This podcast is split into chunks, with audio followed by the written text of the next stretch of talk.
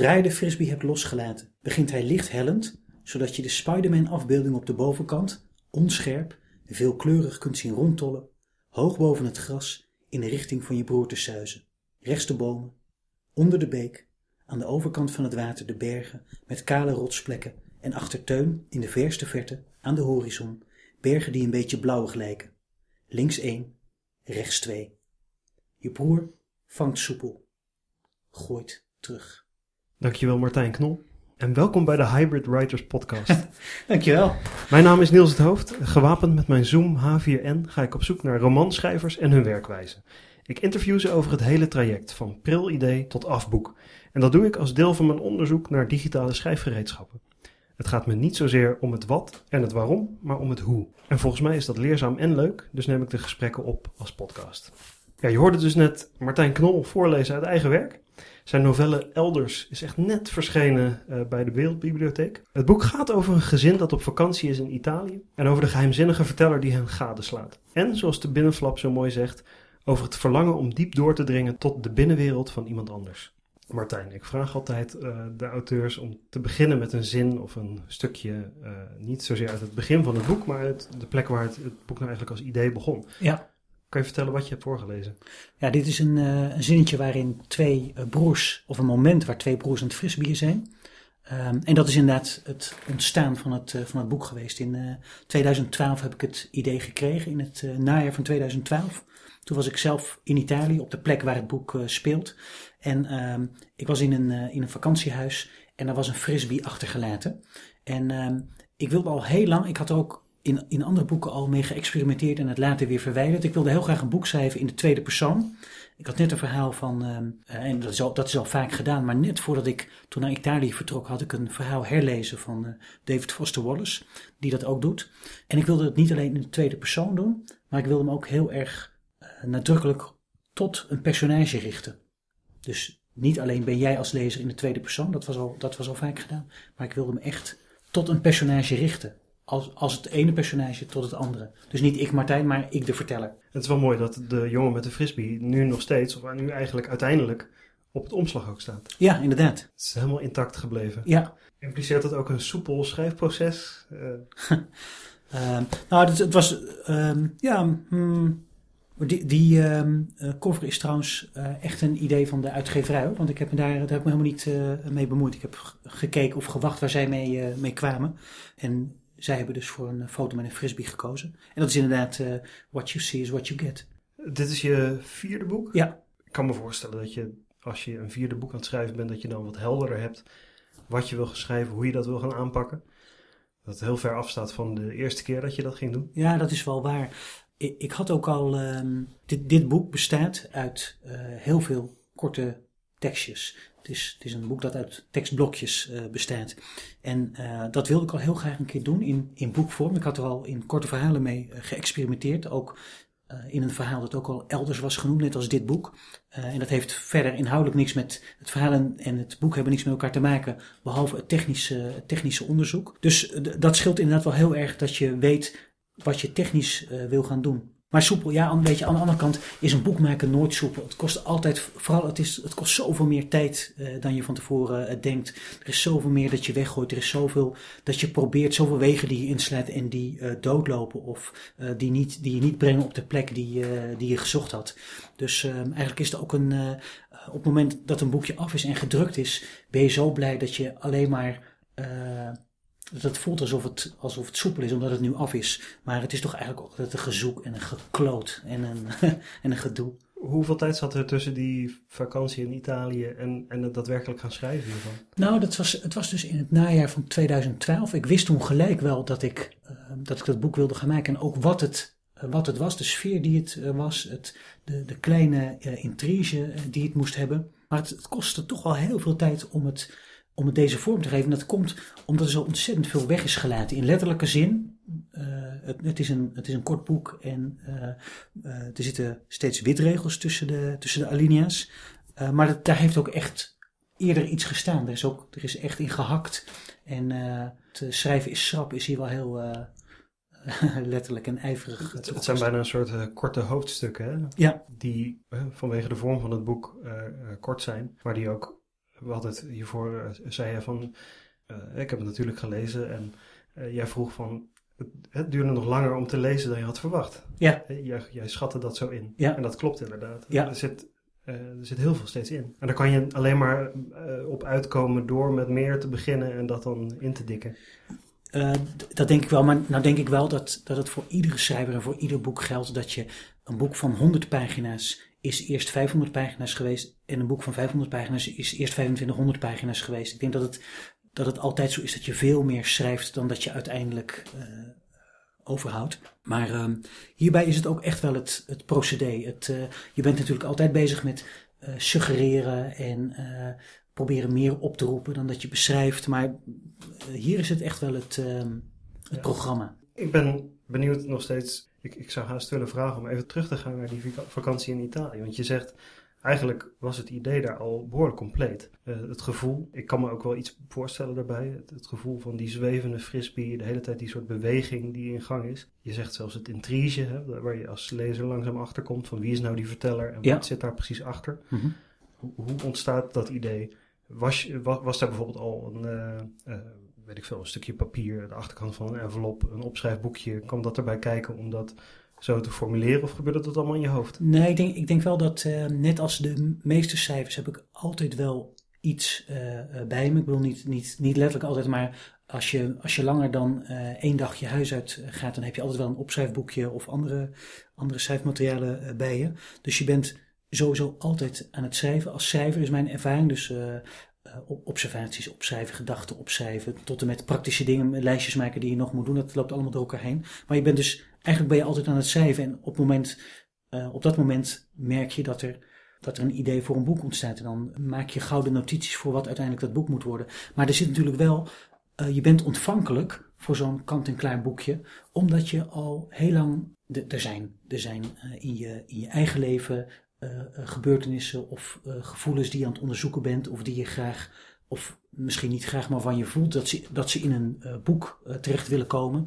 Verder ben je altijd boeken van anderen aan het lezen. De, literaire traditie, of dat nou een boek van 2500 jaar geleden is, of een recent boek van een, van een Amerikaan of een, of een Indiër, dat maakt iets voor uit, maar je bent altijd aan het reageren op de traditie.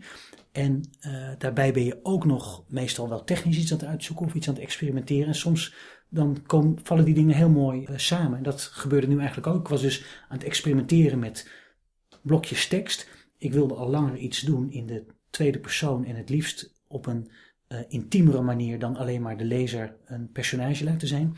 En ik was eh, op die plek die er om schreeuwde om, om opgenomen te worden in een tekst. Toen was er de frisbee en toen was het ineens compleet. Ja, ja, toen was het compleet. Omdat die frisbee, denk ik, symboliseerde wat ik zo graag als tussen een verteller en een personage wilde laten gebeuren. Namelijk de communicatie tussen die twee. En ehm, bij die jongetjes is het, de frisbee is het een object.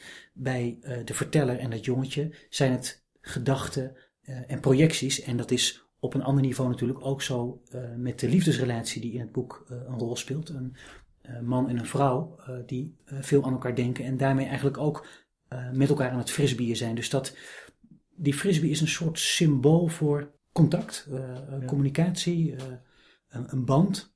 Toen kwam je vervolgens thuis en toen ben je gaan zitten om het te gaan schrijven. Ja, ik, ik heb me in, om, omdat ik wist dat, dit, dat jij dit onderzoekt met dit project, ben ik erover gaan nadenken.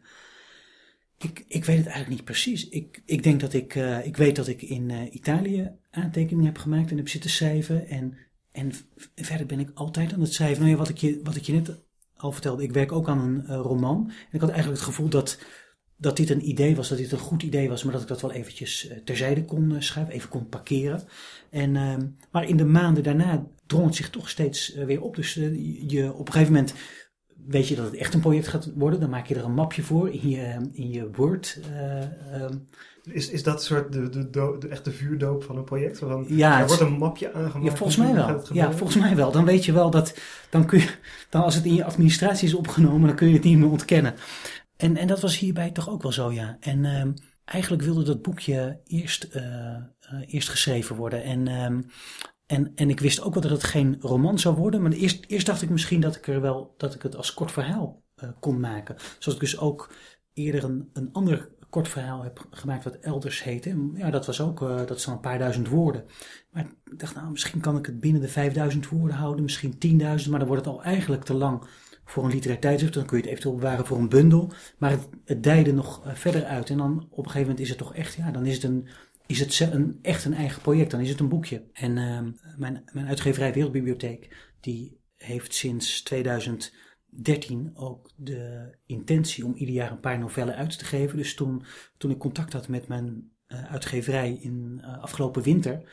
En ze vroegen, nou, heb, je, heb je iets voor de prospectus, je roman of waar ben je mee bezig? Toen heb ik die novelle uh, opgestuurd. Die was nog niet zo, niet zo ver af zoals dat die nu is. Maar um, ja, dan, is het opeens, dan wordt het opeens een boekje. Dan staat het in de prospectus en dan moet je het echt gaan fijnslijpen. Je had het net over hoe zo'n idee, of misschien een kort verhaal, aanzwelt. Blijkt dat het groter is. Ja. Hoe, hoe gaat dat nou in de praktijk? Is, is dat simpelweg schrijven eraan. Nieuwe dingen opschrijven, nieuwe blokjes. Hè, dat format was je al mee bezig. En nieuwe blokjes opschrijven en merken van hé, hier zijn gewoon zoveel blokjes voor nodig. Ja, eigenlijk wel. Je hebt dat verhaal. De, uh, bij zo'n klein project, uh, in tegenstelling tot een, tot een roman, is de intrige er eigenlijk al gelijk. Zo'n interessant doenerig woord, maar ja, simpel gezegd, je weet wel wat je wil, je weet wat je wil vertellen. En dan merk je dat je het gevoel dat je wil overdragen geen recht kan doen in die 5000 woorden waarmee je het eerst uh, probeert. Het, het, heeft, het heeft meer nodig. En je merkt ook dat je sommige momenten echt tekort doet als je, zo, als je er maar één zinnetje aan wijdt. In plaats van het echt een heel blokje gunt of, of zelfs een paar pagina's gunt. Ik, soms, soms denk je wel eens, zou je na uh, 40 jaar schrijven dat beter kunnen inschatten uh, van tevoren. Maar ik, ik denk dat zo'n zo'n tussenvorm, dat, dat blijft lastig. Je weet wel of iets dichter in de buurt van een verhaal of eerder een roman zou worden. Dat, dat lijkt me logisch, maar of een blogpost. Of een blogpost, ja. Is er dan uh, op, op het moment dat je beseft, hey, dit wordt een, een, boekje nog, neem je dan een stapje terug? Ga je dan uit het schrijven en ga je bijvoorbeeld een, een soort planning maken van een, een, lijn van dit moet er allemaal in, dit moet er allemaal in? Ja, eigenlijk wel. En uh, daar, daarvoor, volgens mij hebben wij het wel eens gehad over het schrijfboek van uh, Stephen King, uh, On Writing. On writing ja. En ehm, ik, vind dat, ik vind dat een ontzettend leuk boek en ehm, een ontzettend aanstekelijk boek. En er staan ook een paar hele grote schrijfwaarheden in. En een van de schrijfwaarheden in dat boek is, is um, dat hij wijst op het gevaar van de schrijfduivel. Namelijk dat er altijd wel een afleiding is die zich aandient.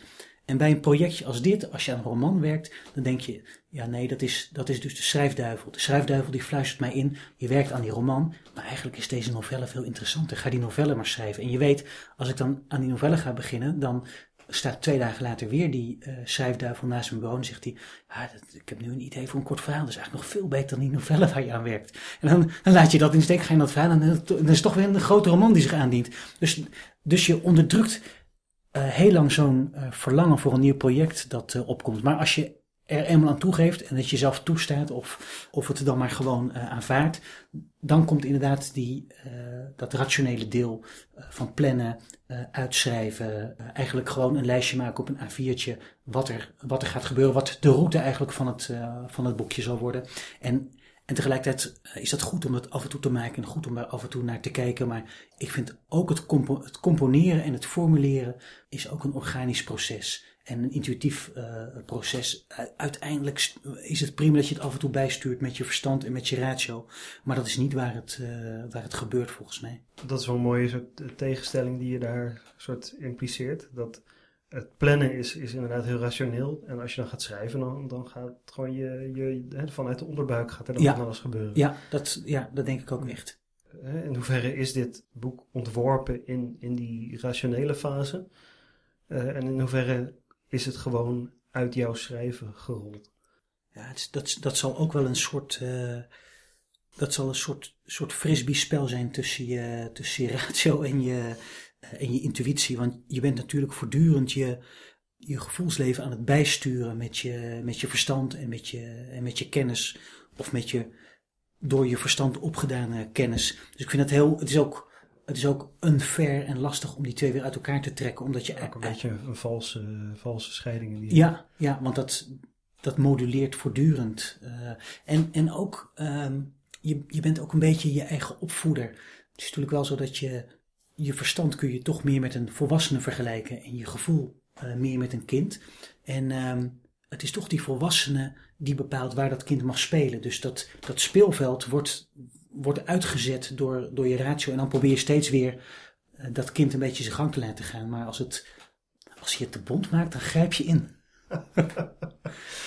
Uh, een van de dingen die mij opvielen bij het lezen en is dat het bijna een soort in het midden een, een, soort uh, scheiding zit tussen het beginstuk dat heel erg gaat over de kinderen Mhm.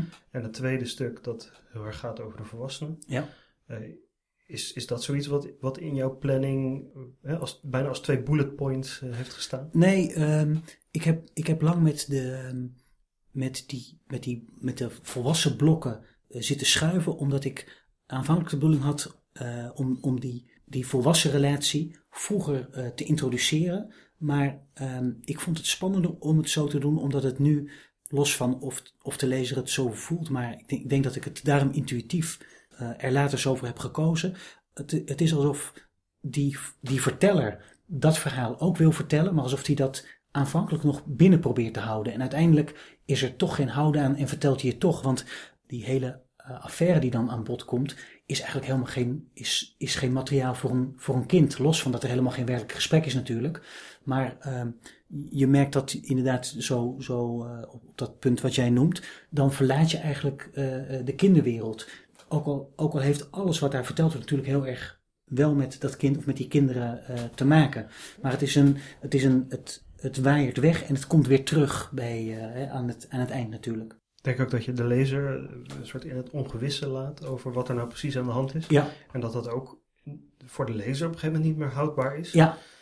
Het is niet bijna, te harde. Bijna gelijk op, gaat het op met die verteller die het niet meer in, Ja. in kan houden. Ja, Uh, in, in hoeverre uh, stap je in, het, in dat perspectief van, die, van, die, van de lezer terwijl je dit aan het schrijven bent? Of is dat geen overweging? Ja, uh, dat, is, dat is zeker een overweging. Want je bedoelt in relatie tot de spanningsopbouw en de. Ja, nee, uh, zeker. En, Want je hebt uh, natuurlijk de, het, het, perspectief van de verteller en de verschillende personages. Mm -hmm. Dat zijn allerlei overwegingen. Je hebt daar nog je eigen intenties uh, bij. Ja. En is er ook nog ergens ver weg die potentiële lezer die het moet gaan lezen? Ja. Um, ja, nou, daar, daar ben je natuurlijk uh, heel erg goed van bewust. Uh, zeker als je het in de tweede persoon schrijft, dan ga je de eerste zin die je in de tweede persoon schrijft, ga je al afvragen: wil ik dat de lezer zich ook aangesproken voelt? Of praat ik tegen de lezer of niet? Oh, dat nee, dat is hier niet het geval. Dat is gelijk al duidelijk. Maar dat is natuurlijk wel je, je eerste gedachte. Uh, wie is er aan het woord en tegen wie heeft hij het? En vervolgens is er dan natuurlijk altijd de vraag: en wie is, uh, wie is het publiek? Ja, nee, dat, dat is zeker. En dat is natuurlijk ook uh, als je zo bijvoorbeeld aan het schuiven bent met die, met die blokjes. En als je kijkt of je de liefdesgeschiedenis meer naar voren wil halen, dan hangt het, met, hangt het samen met het spel wat je met de lezer speelt. Of je dat inderdaad al vroeger verantwoord vindt of niet. Dat is, in, dat is inderdaad uh, lezersberekening. Heb je daar een soort, soort uh, specifieke lezer bij in gedachten? nee, nee. Uh, want we hadden het net over Stephen King. Volgens mij heeft hij, hij dan zo'n, ik weet niet hoe hij het noemt, maar oh, de constant reader. Oh ja. Uh, een specifieke lezer die hij in zijn hoofd heeft, ja. op wie hij zich de hele tijd aan het richten is. Nee, nee dat heb ik niet. Nee, ik, ik heb me wel eens afgevraagd en dan heb je inderdaad uh, uh, verschillende scholen en mensen die zeggen dat je je helemaal nergens iets van aan moet trekken. inderdaad, één individuele lezer. en dan heb je ook nog het extreme standpunt, standpunt van Nabokov die zegt ik zie een zaal voor met mensen die het masker dragen met mijn gezicht. Een vrij gesloten systeem ja. is dat. Maar uh, nee, het is, dat is toch. Uh, misschien is dat, is dat goed om over, maar dat, nee, zo denk ik er niet over. Je, vertelde dat je hier aan, aan, het werken was, terwijl je eigenlijk dus die roman waar je nu weer mee verder aan het ja. gaan mee bent, neem ik aan. Ja. Dat, je, dat je ermee bezig was. Uh, heb je op een gegeven moment die, die roman echt opzij gelegd? Uh, ja, ja, want dit, dit vroeg toch wel, dit vroeg echt veel tijd. En dus die heb ik, ja, ben ik toen, ik, ik heb me echt even hier toen op geconcentreerd. En nou, omdat het verraderlijk was hoeveel tijd het kostte. Het moest, het moest echt wel. Ja, je denkt een klein boekje, dat is zo gedaan. Maar ja. dat, in zekere zin is het net zoveel werk als een roman misschien. Ja, dat, ja misschien wel. Mag ik vragen hoe, jou, hoe jouw schrijfdagen er dan uitzien? Werk je er elke dag aan? Ja, als, uh, op, op het moment dat je echt, uh, uh, dat je bijvoorbeeld met de uitgeverij een deadline hebt afgesproken om je, je definitieve teksten in te leveren, dan ben je echt wel een, een, tijdje. Maar verder loopt, loopt het wel. Maar loopt het heel erg op. Het is maar natuurlijk er zo'n school van schrijvers die die erbij zweert dat je elke dag om zes uur moet opstaan en dat je dan drie uur moet schrijven en daarna moet stemmen. Nee, dat geloof ik echt helemaal niet. Nee, nee, ik vind het ook echt. Uh, je bent godverdomme aan het, aan het kantoor, uh, kantoor ontkomen en dan zou je, zou je nog van 9 tot 5 gaan werken. Nee, dat vind ik een heel slecht plan. Nee, dat is, nee, nee, het is. Ja, dus op het moment dat zo'n deadline wordt opgelegd, dan zeg je, nou, dan, moet, hè, dan is de enige nee, maar, Ja, nee, maar sowieso, ik, ik, vind ik vind cijfer ontzettend leuk en ook iets wat je, uh, wat, wat altijd leuk is. En niet van 9 tot 5, maar van 6 uur s morgens tot, tot 12 uur s'avonds schrijven is eigenlijk altijd leuk. Maar um, echt iets gaan maken wat dan uh, van, van, uh, van alles wat je kan schrijven, dan iets, iets wat zo gedisciplineerd en uh, en vormgegeven is dat het weer uh, dat het een productje kan worden, dat het echt een, een boekje kan worden. Dat is toch dat is weer, dat is weer anders. Je zegt het schrijven is de hele dag leuk, maar zijn er dan ook dagen waarop je echt van s ochtends vroeg tot s avonds later mee bezig, mee bezig bent? Nee, ik, ik, mijn, mijn eigen ervaring is dat je als je echt de, is dat lelijke woord, als je echt flow in flow aan het schrijven bent, dat, dat kan, uh, dat duurt misschien drie uur of zo. En dan kun je, kun je echt misschien wel een paar duizend woorden schrijven. Maar, uh, en, maar dat is op sommige dagen en op andere dagen ben je meer een beetje aan het tweaken. Ja. Dus daar is geen pijl op te trekken. Is, is daar geen pijl op te trekken? Nee. Nee, ik zou, ik, ik weet, ja. Ook om, omdat je, met lezen gaat het ook zo. Hè? Je kan ook uh, soms zo gegrepen zijn door een boek dat je, dat je alleen maar aan het lezen bent. En uh, dus als je in, het is soms wel moeilijk schakelen, vind ik, van de ene modus uh, naar de andere. En ehm, uh, om te kunnen schrijven, om, om goed te kunnen schrijven, moet je vaak ook, uh, moet je, of, of moet je soms ook een tijd niks doen. En dan weer heel veel schrijven. De batterij opladen. Ja. Weet je uit je hoofd hoeveel, hoeveel blokjes tekst dit nou zijn geworden? Uh, ik dacht 133 en ik heb aanvankelijk net van die Johan Sebastian Bach-achtige berekeningen gehad. En ik had er ook, het betekende ook nog allerlei dingen, maar uiteindelijk heb ik het toch losgelaten uh, om, er, om er echt een, uh, dus het aantal blokjes heeft nu geen betekenis meer. Maar ik kan er ook een blokje naast zitten nog. Maar ik ben er wel heel benieuwd naar, van wat daar dan voor betekenis uh, voor bedacht ooit Nou, wat, wat ik bijvoorbeeld wel in, in mijn, mijn, mijn vorige roman, die heel, heel dik is, daar is het laatste deel uh, is eigenlijk weer een, een, ook weer een roman op zich. En die is echt uh, wel een beetje een soort, ja, eh, klassiek, klinkt weer te gewicht. Maar dat is... Wiskundig? Ja, uh, die is met, die is met in zoverre met beleid gecomponeerd. Die bestaat dan uit 25 hoofdstukken. En dat is, daar is vijf keer vijf. Dus dat is, zoals een, een klassieke tragedie uit vijf bedrijven bestaat. Is het, is het of ja. zo'n zo'n opbouw heeft het. En hierbij is dat, heb ik, heb ik een aantal dat soort compositorische overwegingen gehad, maar heb ik dat weer losgelaten. Wat waren daar dan jouw ideeën bij? Want het heeft natuurlijk een aantal mogelijke functies. Een ervan is de knipoog naar de klassieke vorm, hè, wat leuk is om, om te doen. Ja. Um, het heeft misschien ook, uh, het geeft jou als schrijver grip en misschien ook de lezer. Ja, het, ik, ik, hier, was, hier had het getal drie had een rol uh, kunnen spelen, zo driehoeksrelaties. En, uh, maar dat is, dat is uiteindelijk, uh, cijfers spelen niet zo'n spelen niet zo'n rol. Dus op een gegeven moment was het meer uh, 135 blokjes. Weer een paar eraf, weer een paar erbij. Ja, 133. Ja, en, en dat is wel grappig, want die, uh, als, je, uh, als je veel witregels gebruikt, vind, vind ik in, in proza, moet je oppassen dat het niet uh, te pretentieus wordt, dat het geen pretentieus wit wordt. Want wit is zoiets moois en een witregel is, daar, daar kun je zoveel mee doen. Die, dat moet je ook weer met, met beleid doen. Dus je moet geen onnodige witregels. ja, je laat de lezer even heel plechtig stilstaan. Ja, ja, eigenlijk wel. En um, dat, dat werkt heel goed. Ik, ik vind dat het vaak werkt als een uh, montageknip uh, in een film. Je kan, je kan echt opnieuw beginnen. Ook al is dit boek, bestaat, bestaat het boekje niet uit scènes, is het wel een harde rust, een, uh, een witregel. En, en soms had ik, ik heb bijvoorbeeld hier een, een een blokje dat bestaat uit één regel, terwijl er ook blokjes zijn die bestaan uit... Een halve uh, regel eigenlijk, hè? Ja, ja inderdaad, ja. ja dit is, uh, het zijn uh, vijf woorden. En, um, Hier heb je wel erg makkelijk ervan afgemaakt. ja, ja, precies. Nou, dat is, dat is dus het gevaar, dat af en toe probeer je ook weer blokjes samen te voegen, maar dan springt zo'n zin, zo'n zin springt toch weer los. Dus het is ook wel grappig als je met die blokjes werkt, dat sommige zinnen zich echt willen emanciperen. En het was ook al een paar keer dat ik het uit, uit uh, bijna esthetische overweging mooi vond om een langer blok in een paar kortere blokjes op te delen, maar dat werkte niet. Dan werd het opeens uh, pretentieus. Dan wilden die alinea's weer naar elkaar toe, als bolletjes uh, kwik, wilden ze weer aan elkaar. En dan, dat moest dan ook maar gebeuren. Dus dan kun je al je overwegingen over lengte en maatvoering, moet je dan echt loslaten. Want dan zegt je intuïtie, nee, dit moet aan elkaar. En dan vind ik eigenlijk dat je daaraan moet gehoorzamen en het niet in de mal moet persen die, die je klaar had liggen. Het heeft ook iets van, uh, van de kaders van een stripboek af en toe. Hè? Dat je soort, elke keer een klein sprongetje maakt. Waarbij, waardoor je ook juist weer een net ander perspectief ja. uh, kan, kan laten zien. Ja, en ook uh, kan, kan schakelen tussen heden, verleden. Tussen handeling en reflectie. Tussen werkelijkheid en fantasie. Dus inderdaad zo'n zo'n zo'n witregel, dat is wel het, het grappige, helpt ook met het comprimeren van een tekst. Want waar je bij een klassieke roman of klassieke verhaalbenadering een lezer langs scènes of langs een parcours van scènes leidt en vaak eigenlijk ook gebeurtenissen aan elkaar moet praten, dan hoeft dat aan elkaar praten nu niet te gebeuren. Dus je kan heel economisch door, uh, door de geschiedenis heen gaan. Ja, je hebt niet inderdaad de noodzaak van het alles moeten vertellen. Nee. De, de witregel dwingt inderdaad, wat, wat, hè, dat is een beetje dat, de, dat kader van de, het stripboek en daar spreekt het ook de verbeelding van de, van de lezer aan. Ja. Van, vul zelf maar in wat er tussen die twee plaatjes, of in dit geval blokjes, gebeurt. Hoe Ja. we van het een naar het ander gaan. Het is ook steeds een kleine eh, uitdaging voor de lezer. Van, eh, waar gaan we nu naartoe? Wat Ja. gaan we nu doen? Ja, Wat gaat er nu gebeuren? zal ik koffie zetten of zal ik nog een blokje lezen? Ook dat inderdaad, een mogelijk rustmoment. Ja, Het is heel, heel fijn hier. Je hebt, je hebt zelden het idee van, oh, ik moet nog even een paar bladzijden, want waar, wanneer eindigt dat stomme hoofdstuk nou? ja.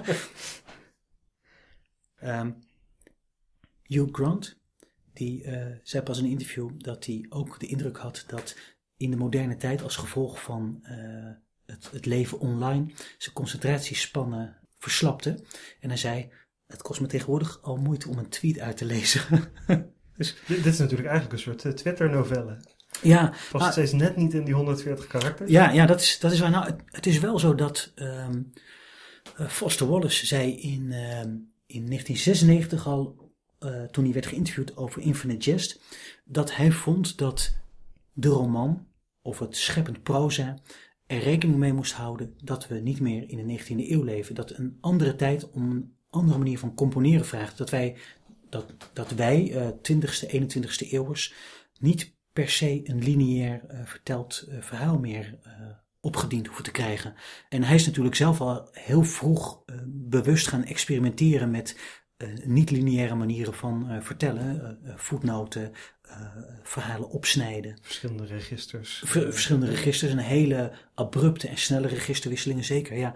En, ehm, en eh, in korte verhalen kun je makkelijk met dat soort eh, technieken experimenteren. Maar ik vond het ook wel leuk om het, om het eens in zo'n eh, in zo'n boekje te doen.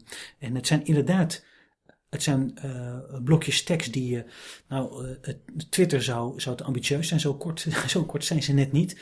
Maar ze hebben, ze hebben wel de lengte van een blogpost. Terwijl ze heel anders van eh, literaire textuur zijn, omdat ze, ja, blog, eh, een blog is meestal wat, wat, wat slordiger en laconieker eh, geformuleerd.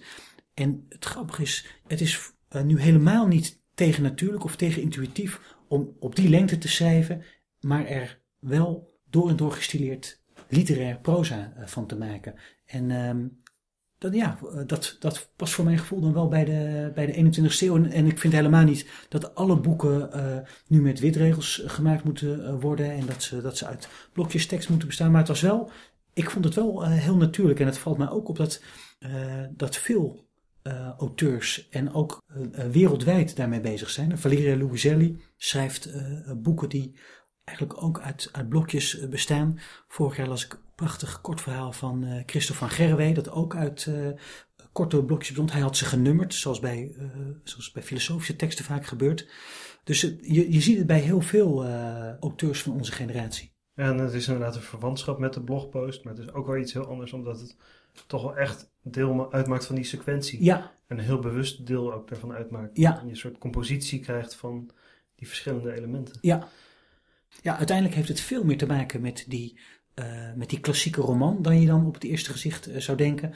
Maar Geert de heeft eh, wel eens gezegd, volgens mij een, jaar of tien geleden las ik dat in een essay van hem. De roman heeft alle andere genres in literatuur geabsorbeerd. Dus het, het essay, de poëzie, het korte verhaal. De roman de roman kan alles en meer. En, heeft ehm, ook een beetje de rest wegdrukt. ja, ja, Zo- eigenlijk wel. prominent, eh, Ja. een soort monopolie op de literaire vormen. Ja, zeker. En, en ja, zowel in, eh, in cultureel opzicht als, als prestigeproject en, en misschien ook wel als, eh, als, als commerciële, in commerciële zin ook.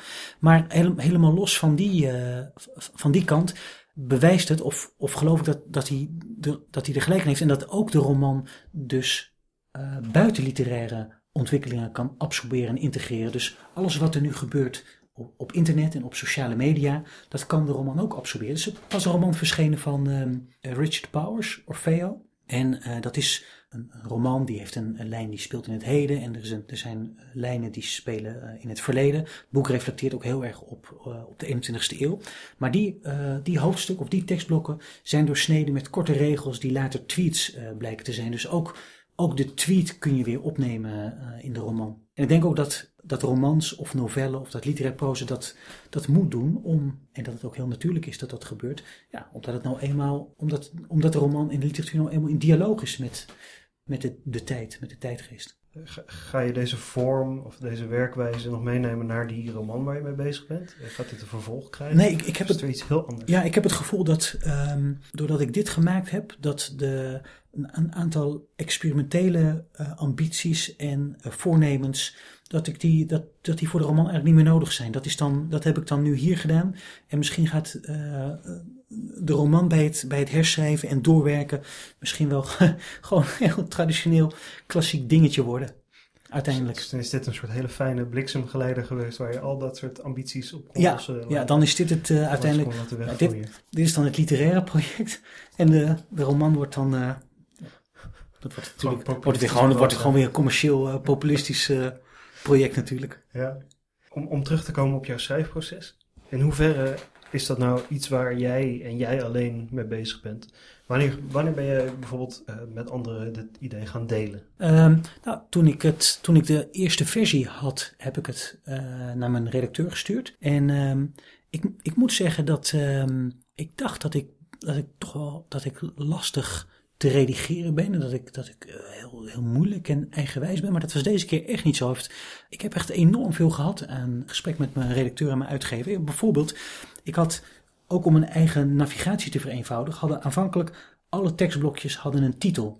En eh, dat was voor mij makkelijk, omdat ik, ik heb zoveel geschoven en ik heb zoveel, zo vaak die compositie veranderd, dat ik eh, door een titel boven zo'n blokje te zetten, steeds weer snel wist eh, waar ik ook weer was, welk blokje het ook was, zonder dat ik het hoefde te lezen. Dus de, in die versie, die ik, de eerste versie die ik had ingeleverd in het vroege voorjaar, hadden ze allemaal nog een, een titeltje, al die blokjes. En eh, nou, dat, dat is dan zoiets, dat is in zo'n gesprek blijkt dan dat het eigenlijk helemaal niet nodig is. Dus, hij was dus dan, nou, nee, gelijk, niet nodig.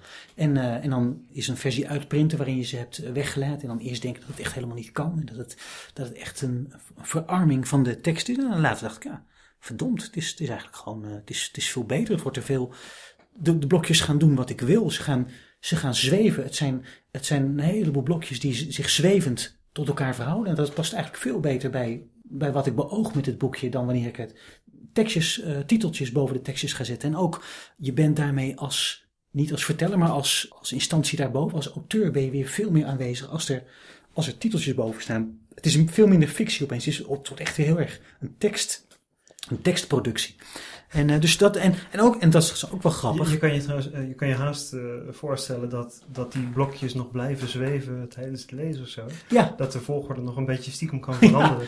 Ook dat er komt een, een tweede druk op een gegeven moment. Dat het dan net een beetje op andere plekken staat. Waardoor het een ander verhaal ook wordt. Ja, ik denk, als je hard met het boekje schudt en dan doe je het open, is een, eh, heeft het een andere volgorde.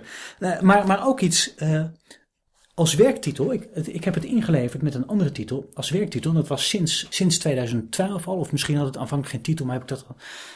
Heb ik dat, heb ik dat, heb ik dat misschien in 2013 of zo? Maar ik had het ingeleverd met de titel eh, Filius, zoon of, of bastaardzoon. Het was niet één.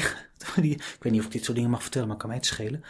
Onder die titel zou die ook in de prospectus komen. Maar er was, ik had dat ze een vergadering hadden of zo bij Wereldbibliotheek. En er was iemand anders. eh, zij zitten samen in een pand met eh, Nieuw Amsterdam, waar ze mee samenwerken of waarmee ze gefuseerd zijn. En eh, ik geloof dat het Liederwijk Paris was, die, die de kamer in kwam lopen. En die zag die, het ontwerp voor het voorplat liggen. En is dat de titel, Filius? Ja. Gaat het boek over, gaat het boek over Jezus? nee, is het dan wel de beste titel? En toen zei, en toen zei ze tegen mij, ja, wat, wat denk je, zou, zou een andere titel niet beter zijn? Heb je, nou, ze zei, ja, ik kan er gewoon over nadenken. En toen zei ik, vind, is elders, wat is- zou ik zelf ook wel een hele, hele mooie titel. Nou ja, daar waren ze veel blijer en gelukkiger mee. Dus door ook zo'n, ja, dat, hoe noem je dat? Het is toch een soort, soort eh, iteratief eh, traject bijna. Teamwerk ook. Team- Teamwerk, ja. En ik was, ik, was, ik was hier zelf niet bij, maar dit, dit, dit hoorde ik. En dat is toch, ja, hoe je het ook bent of verkeerd, doordat eh, iemand anders een vraagteken achter je werktitel heeft eh, gezet, heb je, er, heb je toch ben je, heb je een andere titel bedacht. Dit, dit was eigenlijk recyclen, want ik heb ooit een kort verhaal geschreven wat ook elders heette. Denk je dan ook dat dit uiteindelijk een betere titel is? Want dat is dan natuurlijk de vraag. Ik bedoel, teamwerk leuk en aardig. En, en een ander hè, de, Ja, wat ik, gaat ermee aan de haal. Ja, ik denk het wel, omdat eh, vaak is een, een, een titel, geldt net als eh, zoals die tussen, tussenkopjes, waren deels voor mijn navigatie en waren deels mijn eigen briefing eigenlijk, was dit, die titel eigenlijk ook mijn, mijn briefing. Waar gaat, het, waar gaat het boekje over? Dat gaat over de filius van de, eh, van de verteller. En eigenlijk wat, wat hier wel goed aan is, is dat hier zit verlangen in, in deze, eh, in deze titel. De afstand is Ook weer, ik, ik zie er ook weer die beweging van het hele boek zie Ja. terug. Dat, eh, dus dat is ook, eh, ja, en, en anders, dan doe je het natuurlijk ook niet. Als je het, niet een, als je het, als je het geen verbetering vindt, dan, je moet alleen veranderen als het verbeteren is.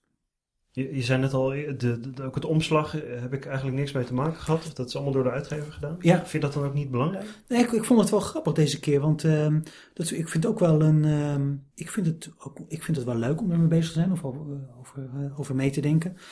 Maar ehm, in dit geval, ik had een, eh, ik had een ideetje voor een eh, omslag en dat wilde ik met, met, iemand, eh, met iemand anders maken. En toen vertelde ik dat aan mijn uitgever en die zei toen, ja, dat is leuk en een goed idee, maar we hebben een reeks van novellen en die willen we graag allemaal door Studio Ron van Roon laten doen. Die heeft ook die vorige drie novelles gemaakt, dus die gaan we, gaan we hier ook voor vragen. Toen dacht ik ook, ja, ook logisch. mijn uitgeverij investeert en exploiteert de tekst, zoals dat eh, heet. Dus ik wacht wel, ik kijk gewoon wat er, wat er komt. En dan, eh, oh, toen, eh, toen was dit, het, dit is het eerste en enige voorstel geweest. Ja, ik vond het, vond het prima, maar prachtig, mooi. Dus dat heeft ook specifiek met deze serie novellen te maken. Dat, het, dat jouw inmenging daarin kleiner was.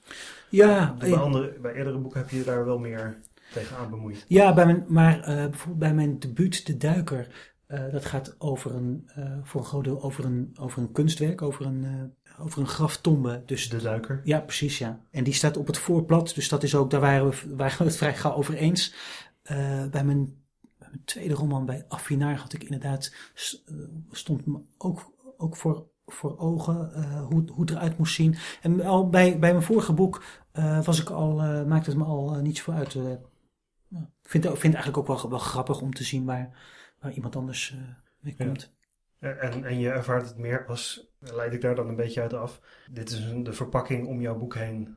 En het boek is wat erin staat. Ja, en, en ik, ehm, in, het, in het verleden eh, was ik geneigd om dat meer als een geheel te zien. Ik, ik maak een boek, zo, zo zag ik het eh, eh, sterk. Maar eigenlijk wil ik, ik wil dat nu niet meer zo eh, zien. Ik wil me alleen met de tekst eh Ja, bezighouden. het is eigenlijk ook niet eens een boek, het is de tekst. Ja, ik, ik, ik maak de tekst omdat ik vind, en dat, dat heb, heb ik een paar jaar geleden besloten, als ik degene ben die de investering eh, doet, die het drukken eh betaalt en die de verkopen afhandelt, dan bepaal ik, dan maak ik het hele boek wel. Maar dat is een, dat is een, ander, eh, een ander beroep. Ik kan me best voorstellen dat het heel erg leuk is om alles zelf te doen, het boek te schrijven, zelf de omslag te ontwerpen, het zelf al dan niet te verkopen.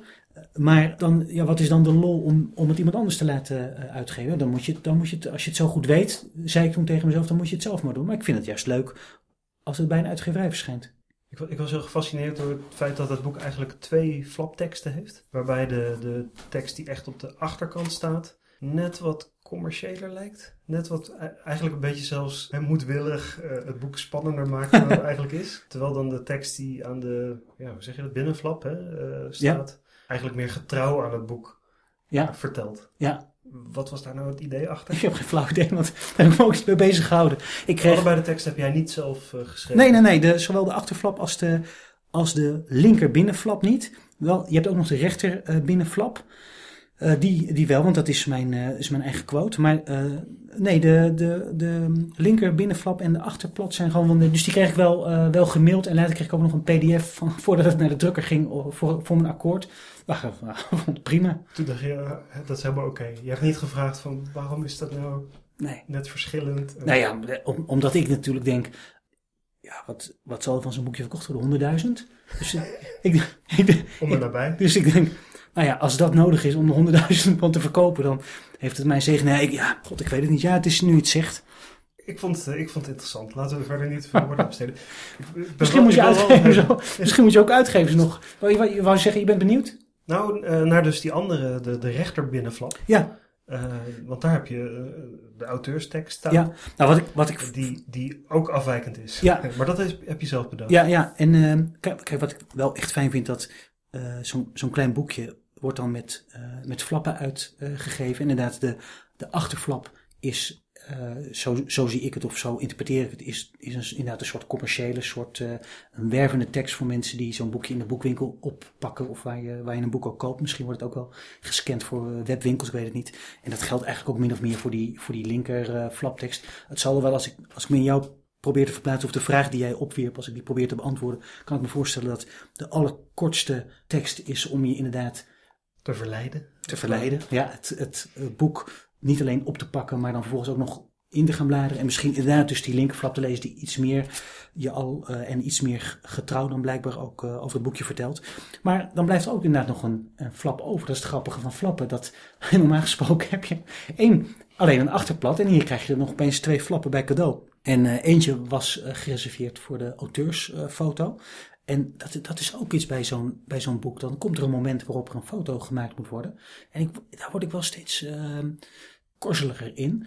Dat uh, al die auteursfoto's die op boek gezet worden, die, die 15 jaar oud zijn. Dus, weet je wel, dat is. ja, ik ga, laten we geen namen noemen, maar dan denk ik, ja, Jezus, moet, moet, dat moet wel een beetje. Dat hoort toch ook een beetje bij ja, bij integer zaken doen bijna van, van uitgevers.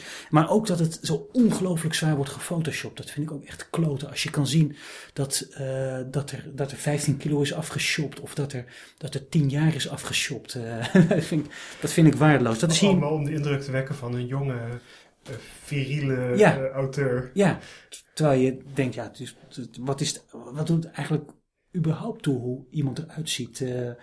Dus ja, je ziet ook, ik ben helemaal niet degene die op die foto staat. Ik heb gewoon, uh, ik heb gewoon een gozer gevraagd of die even wilde. Maar dat hoeft, de, dat hoeft verder niet. Gewoon je neef. ja, ja, precies. Dat hoeft verder niemand te weten. Dat is, maar tegelijkertijd. Is Francesco Lucarotti is een Italiaans fotomodel. Ja, goed. Uh, tegelijkertijd is het, is het personal branding, is het je, je, je uithangbord als, ja, als, weet je, als literaire winkel. Ja, ik, ik weet het niet. Ik, uiteindelijk denk ik, uiteindelijk geloof ik er eigenlijk geen zak van. Dat je, ik, ik geloof helemaal, ja, zo werkt het toch niet. Zo, dat, dat, dat is zo, volgens mij is dat zo marginaal. Ik denk toch dat, ik denk dat niemand boeken verkoopt uh, vanwege zijn looks of, uh, nee, je moet gewoon nog een, eh, een, uh, zelf, goed, hoeft ook niet. Sommige boeken verkopen goed en andere boeken verkopen niet. Je moet, moet gewoon heel erg goed boek schrijven en, en verder. Maar in ieder geval. En dan wil je liever in die auteursfoto dus integer zijn. Je staat er gewoon op zoals je echt eruit ziet. Francesco Lucarotti staat erop, zoals die eruit ziet. maar maar, um, ja, maar dat vind ik, dan vind ik inderdaad wel, ja, dat, dat is misschien ook, misschien moet je er niet over zeuren. En iedereen op zich is, iedereen mag doen hoe die het uh, wil. En je mag voor mij ook inderdaad een foto op, op, op de tweedehands markt kopen. En dan zit je die erin. Op zich, dat mag ook allemaal. Dat iedereen moet dat zelf weten. Maar ik, dat photoshoppen doe dat nou toch niet, denk ik dan. Maar um, de, die flap was inderdaad over. En um, en ik dacht, uh, dat is toch ook wel onder invloed van ja, een soort wat, wat, wat kleffe stroming die nu in Amerika is. Kijk, Foster Wallace is een van de eerste Amerikaanse auteurs die uh, het belang benadrukte van de gemeenschap. Je bent, niet, je bent niet alleen een individu, er wonen nog meer mensen in dit land, daar heb je je toe te verhouden. En ja, dit, dit leven moeten we met elkaar uh, moeten we met elkaar leiden. En Dave Eggers en die, uh, heel veel mensen hebben dat overgenomen. En nu, nu is het bijna een beetje, beetje, beetje klef en soft, uh, een beetje evangelisch. Maar, maatschappelijke. Ja, precies. Uh, ma maatschappelijk betrokken. En de schrijver is ook onderdeel van de gemeenschap. Dat, dat, dat hele idee. Wat ik op zich ook eigenlijk heel mooi vind. En ik, ik was vroeger ook eigenlijk wel uh, veel, veel individualistischer ingesteld. Of, of hechtte ook wel aan al die associaties met de schrijver in zijn ivoren toren. Of het, het scheppend genie uit de romantiek. En uh, uh, ja, ik ben door niemand beïnvloed. Ik haal alles uit mezelf. En ik, het heeft mij wel aan het denken gezet. Die, vooral het breekwerk van Foster Wallace. En, en ik dacht ook inderdaad, ja, kom op. uh, ik heb zelf het alfabet niet uitgevonden. Ik heb op de basisschool uh, leren lezen en schrijven. En zo is het eigenlijk ook met literair schrijven. Ik maak onderdeel uit van een, van een traditie of van, een, van, van stromingen. Stroming, of, ja, ja, en, ja. En, en je kiest je invloeden wel zelf. Maar dat, er is altijd een wisselwerking met, met de rest van, van of je vak of je tijd. Er is altijd, er is altijd uitwisseling. Je, bent, je doet het niet in je eentje. En in de wetenschap is dat, is dat, is dat een aanvaarde gedachte. Maar in de literatuur uh, was dat veel minder zo. En is dat inmiddels ook weer wat meer zo. Dus ik, ik vond het wel grappig. Toen had ik, we hadden die uh, flap over. En toen had ik naar de uitgeverij dit uh, gemaild. Hafid Bouassa, Arno Kamenisch, Maxime Februari, Christophe van Gerwe, Valeria Louiselli, Zadie Smith. Om met David Foster Wallace te spreken. That's the group I wanna belong to. Punt. En dat geldt in ieder geval voor dit boekje. Dat is voor, voor ieder boek misschien weer anders. Ik had er nog veel meer namen kunnen noemen. Maar ik had, ik had het met mijn uh, uitgever erover. Ze waren het, waren het aan het afmaken. En toen zei hij, ja, dat is uh, interessant. En wat is je gedachte erachter? Nou, toen vertelde ik eigenlijk dit, dit verhaal over dat deel van een, van een gemeenschap. Ik ben, ook, ik ben blij dat we het... Uh, het, is, het is wat onconventioneel, zo'n soort, zo'n soort tekst. Maar ik ben, ik ben er wel blij mee. Dat je inderdaad onderstreept dat je niet... Ik heb, ik heb de literatuur niet uitgevonden. Ik ben, ben dus niet... Ik kom niet nergens vandaan het heeft misschien zelfs een heel praktisch nut, een heel simpel praktisch nut voor potentiële lezers, dat ze hier misschien namen tussen zien staan, dat ze denken, hé, dat spreekt me aan. Ja. Dit is misschien dan ook wat voor mij. Ja, ja maar... Dat je mensen makkelijker maakt. Nou, dat is, dat is, er zijn, inderdaad, ik ben ook geneigd om het uh, op positieve en praktische manieren uit te leggen, maar er is natuurlijk ook, zolang het nog niet gedrukt is, ben je ook geneigd om het vanuit de uh, dan is, dan, dan is uh, angst weer zo'n slechte raadgever. Denk je, ja, ja is, je kan er ook wel heel makkelijk op uh, afgerekend worden. Oh ja, dat is de groep waar die bij hoort. Waar die bij wil horen. Jammer dat het niet gelukt is. Weet je, het is ook, het is, het is, want het is ook een manier om je kwetsbaar op te stellen. Het zijn, het zijn mensen die allemaal heel erg goed zijn. En de claim is ook niet dat je er op basis van kwaliteit... Het citaat is ook, ik wil er graag bij horen. Weet ja. niet, ik hoor erbij, dit ben ik. Je zegt, dit het is, waar, ik, waar ik me op richt. Ja, het is het referentiekader voor dit, voor dit boekje. Mooi. Nou, verder moeten mensen het maar uh, gewoon gaan lezen, denk ja, ik. Ja, dat denk ik ook. Dat denk ik zeker. Dan gaan we het hierbij laten. Hartelijk dank, Martijn. Meer over Martijn Knol uh, vind je op martijnknol.nl. Meer over mij en het hybride schrijverproject vind je op nielshethoofd.com of op Twitter, @nielshethoofd. Jij bent nog steeds niet op Twitter, geloof ik, hè? Nee, maar wel op, uh, op internet, inderdaad. Op internet. Uh, mensen kunnen me e-mailen, bellen op een mobiele telefoon. Allerlei mogelijkheden. Tot zover deze aflevering. Bedankt voor het luisteren en u hoort nog van ons.